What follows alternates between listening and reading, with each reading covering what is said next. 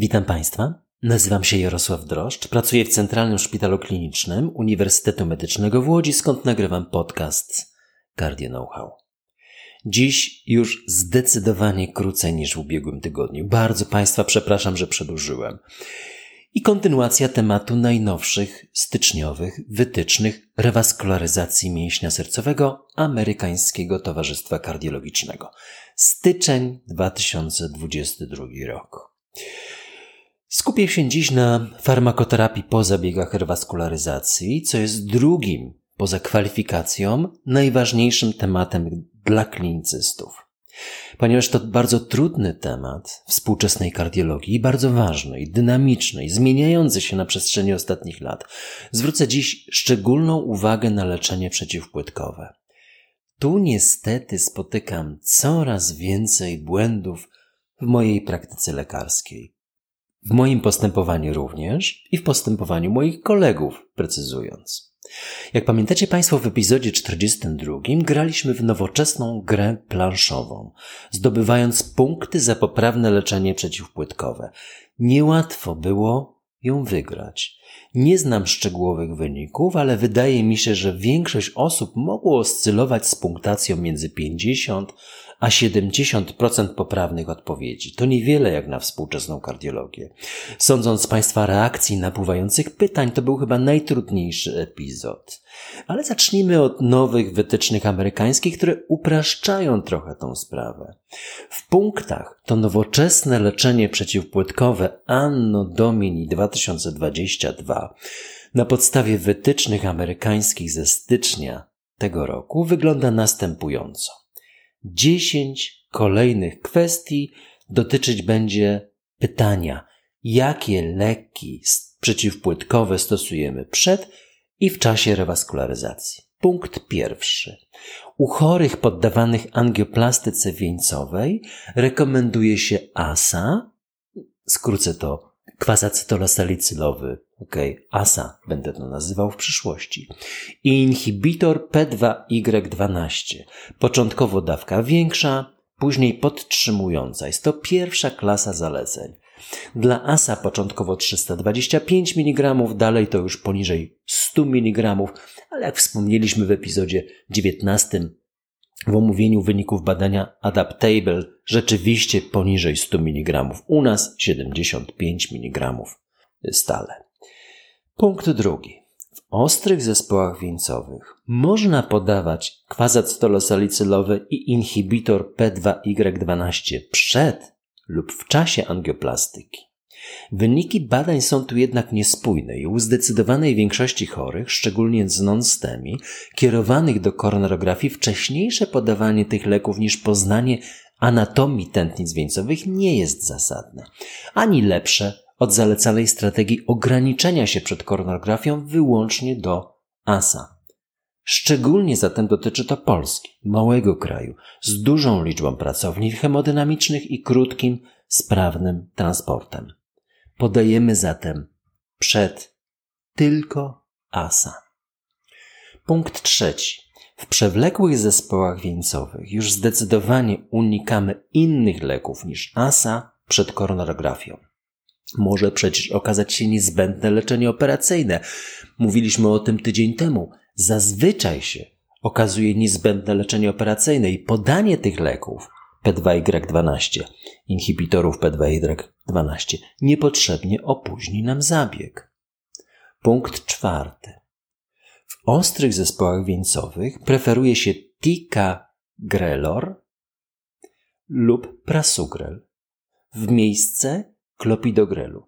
Pierwsza klasa zaleceń. Podobnie jak w zaleceniach europejskich. Tika bądź prasu w miejsce klopidogrelu. Ostre zespoły wieńcowe. Punkt piąty. Dwa wskazania dotyczą tu wyłącznie greloru w ostrych zespołach wieńcowych. U chorych po udarze lub TIA obowiązuje tu jasno wyrażony zakaz stosowania prasugrelu. Używa się nawet terminu harm. Państwo wiecie, co to znaczy.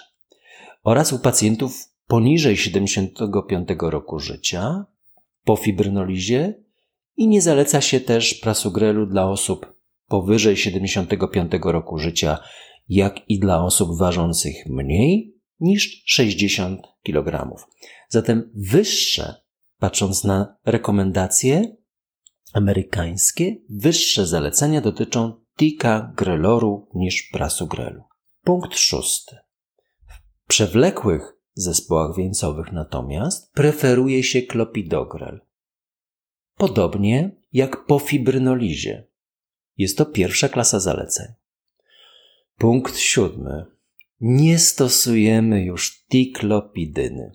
Taki termin jest tam i cytat dokładnie przedstawię tłumaczenie. Nieakceptowalne objawy niepożądane tiklopidyny. Tego leku już dziś nie stosujemy. Nadal jednak rocznie odstawiam go około pięciu chorych. Punkt ósmy. Cangrelor to jedyny dziś dożylny inhibitor P2Y12, który doczekał się klasy 2B. No, tłumacząc na polski, można. U chorych bez wcześniejszego leczenia tymi lekami. Dla przypomnienia, Cangrelor to silny, bezpośredni, krótko działający i przewidywalny w działaniu lek przeciwpłytkowy. Podawany jest dożylnie. W badaniu Champion wykazał mniejszą liczbę powikłań niedokrwiennych niż klopidogrel bez wzrostu ryzyka istotnych krwawień. I stanowi dobre rozwiązanie dla pacjentów nie mogących połykać tabletek bądź mających zaburzenia absorpcji jelitowej. Jego krótkotrwałe działanie pozwala też na powrót funkcji płytek, no i na przykład szybką operację serca czy aorty. No i zostały nam dwa troszeczkę trudniejsze punkty, ale zobaczcie Państwo, że nie jest to takie złe w stosunku do pomostowania aortalno-wieńcowego. Kwas acetylosalicylowy u chorych kierowanych do pomostowania aortalno-wieńcowego bezterminowo i bez przerwy. Jest jeden, jedyny wyjątek. Gdy pacjent nie przyjmował dotychczas ASA, a zabieg ma mieć w pierwszej, czyli w tej dobie, o której rozmawiamy. Ja takich pacjentów dawno nie widziałem, ale wytyczne mówią tu nie, z uwagi na potwierdzenie większej liczby krwawień. Tą informację wykorzystacie Państwo w praktyce klinicznej raz na kilka czy kilkanaście lat. A zatem upraszczając przekaz, rekomendacja dla ASA w CABG jest bezterminowo, bez przerwy, codziennie. I dziesiąty punkt. Inhibitory P2Y12, a termin pomostowania aortalno-wieńcowego. Ważny punkt. Dotyczy to również innych pozasercowych operacji, upraszczając też i Państwu możliwość zapamiętania.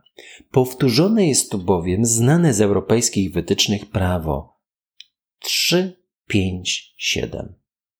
Odstawiamy ticagrelor na 3 dni przed operacją, klopidogrel na 5 dni, a prasugrel 7 dni wcześniej. 3, 5, 7. Stale jednak słyszę zupełnie nieprawdziwy tekst. Wszystkie leki odstawić 7 dni przed zabiegiem. To nieprawda. Zasada 3, 5, 7 i utrzymanie asa. No i drugi duży punkt. Drugie zagadnienia, tym razem 5 punktów. Co z leczeniem przeciwpłytkowym po rewaskularyzacji? Po pierwsze, po rewaskularyzacji przezskórnej u wybranych pacjentów po angioplastyce wieńcowej zasadne jest skrócenie podwójnej terapii przeciwpłytkowej do 1-3 miesiące z odstawieniem którego z nich? ASA. Nie inhibitora P2Y12, tylko ASA. To pewnie zaskoczenie nadal dla części z Państwa, ale odstawiamy ASA, monoterapia, inhibitor P2Y12. Klarownie w nowych wytycznych. Klasa 2A. Zaleca się. Poziom dowodów A. Mamy dowody zatem, żeby tak sądzić. Pięć dużych badań w ostatnich latach potwierdzono, że u pacjentów wyższego ryzyka krwawień, odstawiając ASA 1-3 miesiące po zabiegu w ostrych zespołach wieńcowych, jak i zresztą w przewlekłych zespołach wieńcowych, pozostawiając inhibitor P2Y12, klopidogrel, ticagrelor tu mamy bardziej przekonujące dowody, bądź prasugrel. Tu mamy tylko jedno badanie i expressis verbis wytycznych podpis pod rdziną siódmą jest dokładnie taki. Mniejsze dowody dotyczące prasugrelu, większe tika greloru. To Odstawiając ASA, mamy o 40% krwawień mniej i niemal takie samo ryzyko powikłań niedokrwiennych. Powtarzam, skrócenie podwójnej terapii przeciwpłytkowej u pacjentów wysokiego ryzyka krwawień z odstawieniem ASA. Klasa 2A dla każdego rodzaju przeskórnej rewaskularyzacji w ostrych i przewlekłych zespołach wieńcowych. Dla większości z Państwa, może nie dla większości, dla części, przynajmniej do 40 epizodu naszego podcastu, to było pewne zaskoczenie. Mam nadzieję, że teraz już nie jest. Punkt drugi. Po operacyjnej rewaskularyzacji ASA bezterminowo. Wprawdzie tu podana jest dawka 100-325, ale wiemy z innych badań, Adaptable, wspomniane już wcześniej, że zasadne jest utrzymanie dawki niższej. Na polskie warunki to 75 mg. I ja daję 75 mg. Jedynie u wybranych chorych, i to klasa 2b, poziom dowodów B niski, mamy roczną podwójną terapię przeciwpłytkową. Ale badanie DACAP, jedyne chyba w tej w tym zakresie wskazało na niższe ryzyko zamknięcia pomostu przy podwójnej terapii przeciwpłytkowej versus samo monoterapia ASA. I nie szły za tym żadne uchwytne korzyści kliniczne. Rzadko przydatna i nieprzekonująca dla mnie strategia. Nie stosuję podwójnej terapii przeciwpłytkowej po pomostowaniu artalnowieńcowym. Stosuję natomiast ASA 75 mg. No i troszeczkę znowu trudniejszy fragment nie do końca też klarownie napisany, ale nie dlatego, że mamy dowody i ktoś nie potrafił tego ująć, tylko rzeczywiście dowodów wielu nie ma. Punkt trzeci. Gdy współistnieje migotanie przedsionków, to z zasady występują wskazania do antykoagulacji. I po angioplastyce wieńcowej podajemy potrójną terapię przeciwpłytkową i przeciwzakrzepową. ASA inhibitor P2Y12 i antykoagulant. Ale po 1 do 4 tygodniu odstawiamy jeden z nich. Który? ASA. Pozostawiamy inhibitor P2Y12 i antykoagulant. I tak do 12 miesiąca, później zostawiamy sam antykoagulant. Pierwsza klasa zaleceń. Tu wprawdzie mamy coraz mniej błędów, ale jeszcze się zdarzają, więc ważny punkt. Czwarty. Dobrze podawać jest wówczas noak, a nie warfaryna czy acynokumarol. Dla redukcji powikłań krwotocznych, klasa 2a, wysoko. Ja bym to skrócił. Powiedział noak. Kropka. Nie ma specyfikacji natomiast, który z inhibitorów P2Y12 w tych wytycznych. No i ostatni punkt ze znakiem zapytania. Co, gdy pacjent ma rewaskularyzację, ale operacyjną i migotanie przedsionków? No niestety brak jest badań klinicznych. Brak jest też klarownej deklaracji w tych wytycznych. Pewnie zasadne jest utrzymanie monoterapii NOAC, czasem z pewnym, myślę, krótkim okresem stosowania ASA przy wysokim ryzyku powikłań naczyniowych i małym krwotocznych ale to wszystko wydaje się zależeć od indywidualnej oceny ryzyka krwawień i niedokrwienia. Pacjent na szczęście, taką mamy politykę u nas, po bardzo krótkim okresie opieki ambulatoryjnej u kardiochirurga, po pomostowaniu artalnowieńcowym, idzie do kardiologa. I decydujemy zgodnie z własnym doświadczeniem.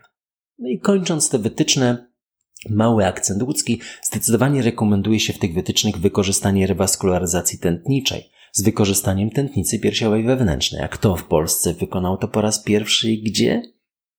Profesor Ryszard Jaszewski w mieście Łodzi. Poniżej zebrane są od lekarzy zastrzeżenia, z ich dziewięć, związane z tym moim podcastem poprzednim dotyczącym profilaktyki przeciwpłytkowej po ostrych zespołach wieńcowych i w przewlekłych zespołach wieńcowych.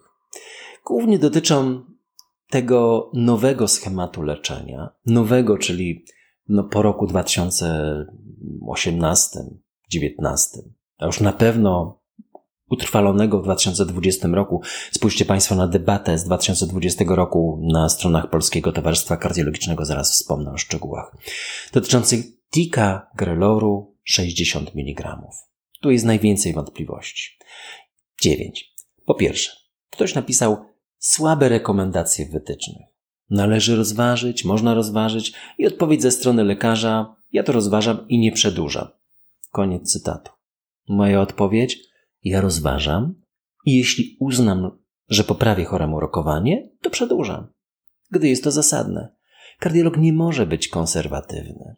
Gdybym leczył tak samo jak 30 lat temu, gdy zaczynałem pracę, no, wiecie Państwo, już mam gęsią skórkę. Wszyscy chorzy z idiopatyczną kardiopatią rozstrzeniową z mojej habilitacji zmarli przed upływem 10 lat. Połowa z nich żyłaby do dziś, gdyby miał dostęp do wiedzy i leków i stosował wielką piątkę. Drugi punkt. Umieszczenie w wytycznych również klopidogrelu i prasugrelu. Znamy oczywiście przewagi tika greloru 60 jako jedynego P2Y12, który ma typowo przewlekłych zespołach wieńcowych, zastosowanie po ostrych zespołach wieńcowych. Natomiast trudno po podważać wytyczne. No, pisałem to powyżej, to tak nie jest. Silne inhibitory P2Y12 są dwa: Tika-Grelor i Prasugrel. Są one lepsze od klopidogrelu u chorych po ostrych zespołach wieńcowych. Trito, Triton Timi 38 wykazał przewagę prasugrelu, a Plato Tika-Greloru. Mniejsza częstość zgonów sercowo-naczyniowych zawału udaru. Znacznie zmniejszyła się także częstość zakrzepicy w stęcie i to dla obu leków. Dla obu leków wzrastała liczba krwawień niezwiązanych z pomostowaniem aortalno-wieńcowym. I dla obu zaleca się ostrożność u starszych pacjentów, co dotyczy szczególnie prasugrelu i zostało to ujęte w tabelach i w moich powyższych punktach. Kolejny element.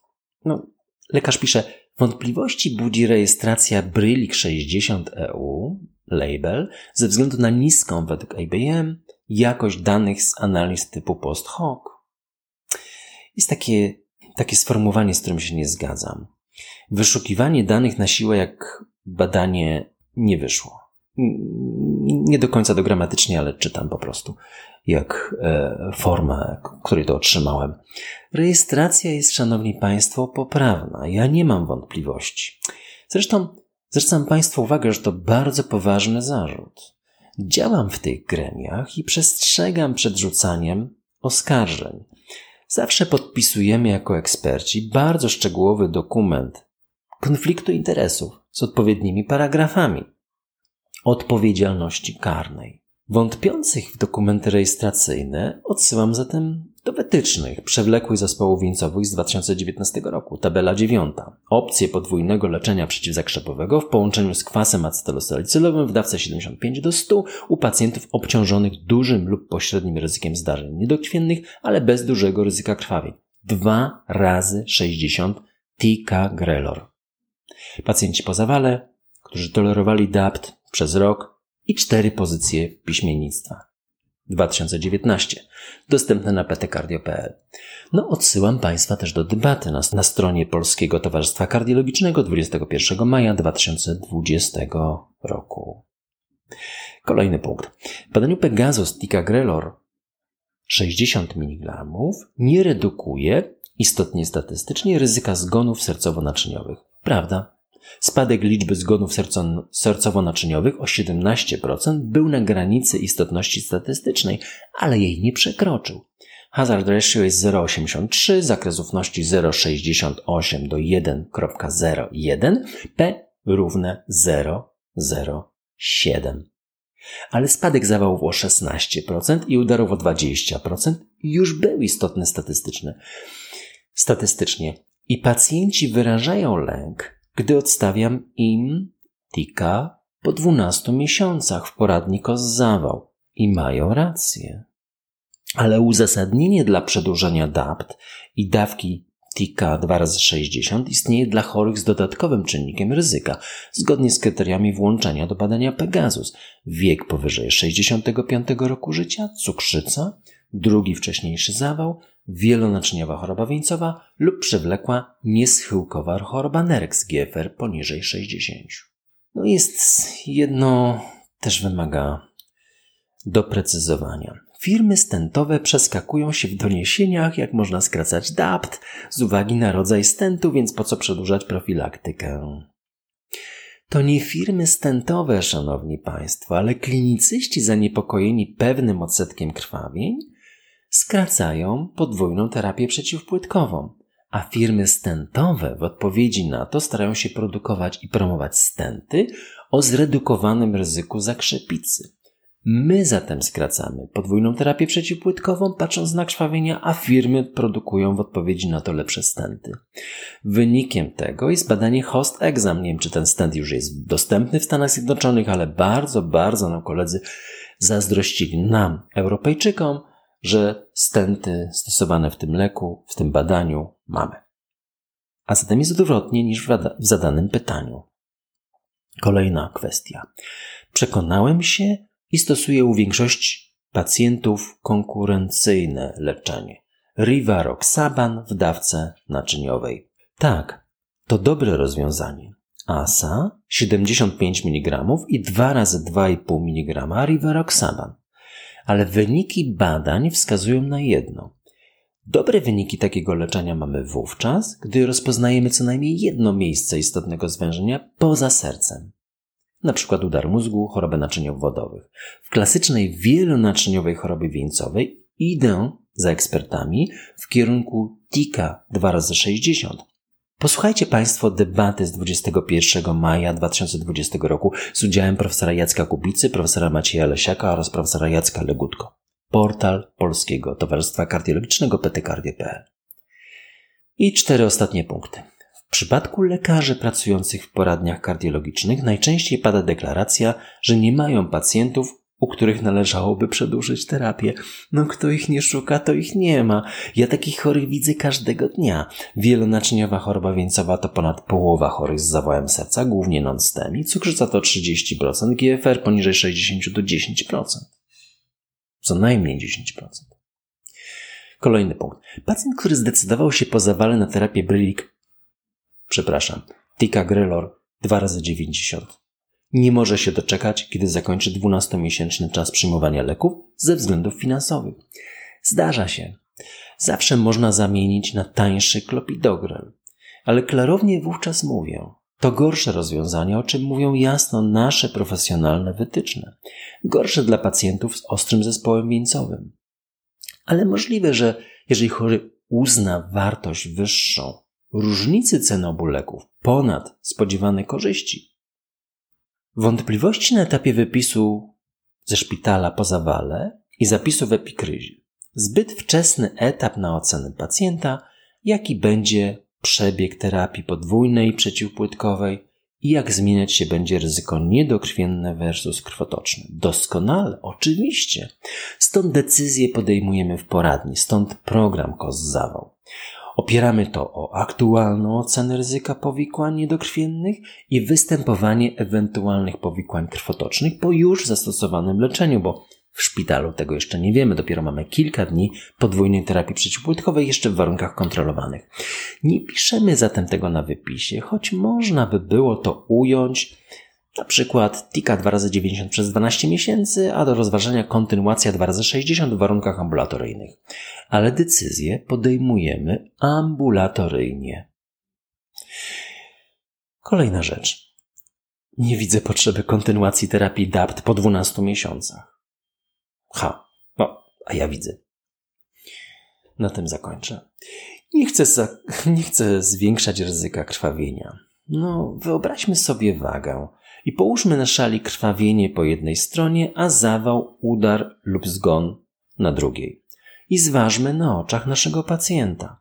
Odsetki znacie Państwo z podcastów. Ceny znacie z aptek. Ocencie net benefit i podajcie cenę za powyższe leczenie. Pieniądze versus zwiększone ryzyko. Przypominam, 16% więcej zawałów, 25% udarów. Pacjent wybiera sam. A co wybralibyście dla siebie? I ostatni punkt. Biorąc pod uwagę koszt terapii ryzyko krwawień, widzę zbyt mało korzyści, żeby przekonywać pacjenta do wydłużenia DAPT po 12 miesiącach. Dla wszystkich chorych to prawda. Nie widzę też takiej korzyści. Dla wybranych chorych tak.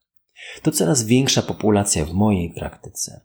Kolejne wytyczne zwiększają swoje poparcie dla tej koncepcji. ASA plus TIKA 2 razy 60 między 12 a 36 miesiącem od zawału, tak jak było w badaniach.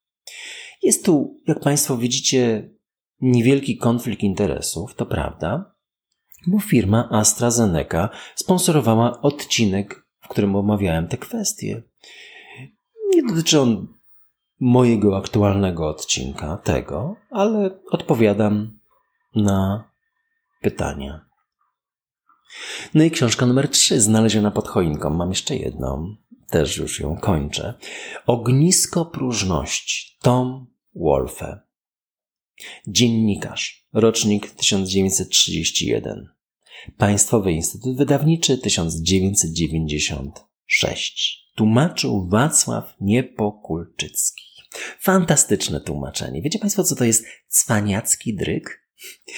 A na taki polski termin wpadł tłumacz. Już zacząłem trenować, ale nie idzie mi to dobrze. Jest też przepis na to, co zrobić, gdy poruszamy się w ten sposób i zamierzamy zaprzestać. No ale po kolei. Zarabiający milion dolarów rocznie finansista w Nowym Jorku, na okruszkach, jak to wspomina jego żona i córka, na okruszkach obracanych kwot. No te okruszki zbierają się na milion dolarów rocznie. Grzeszy i otrzymuje pokutę. No, choć spodziewamy się kolejnych elementów i kroków, powieść trzyma w niesamowitym napięciu. Leciałem właśnie w tamtą stronę samolotem, nie wiem, 8 czy 9 godzin. Minęło mi błyskawicznie. Ta wąska i zależna od przypadkowego układu gwiazd granica między sukcesem a porażką. Ogromnym sukcesem, a ogromnym porażką. I mózg, który powinien działać. Jeśli Państwo będziecie mieli jakieś uwagi, komentarze, pytania, kierujcie na media społecznościowe Cardia Know-how. Y, postaram się udzielić odpowiedzi. Bardzo też będę wdzięczny Państwu za promocję podcastu wśród lekarzy i komentarz. Doczekaliśmy się rzeczywiście wysokich ocen. Bardzo, bardzo za to dziękuję.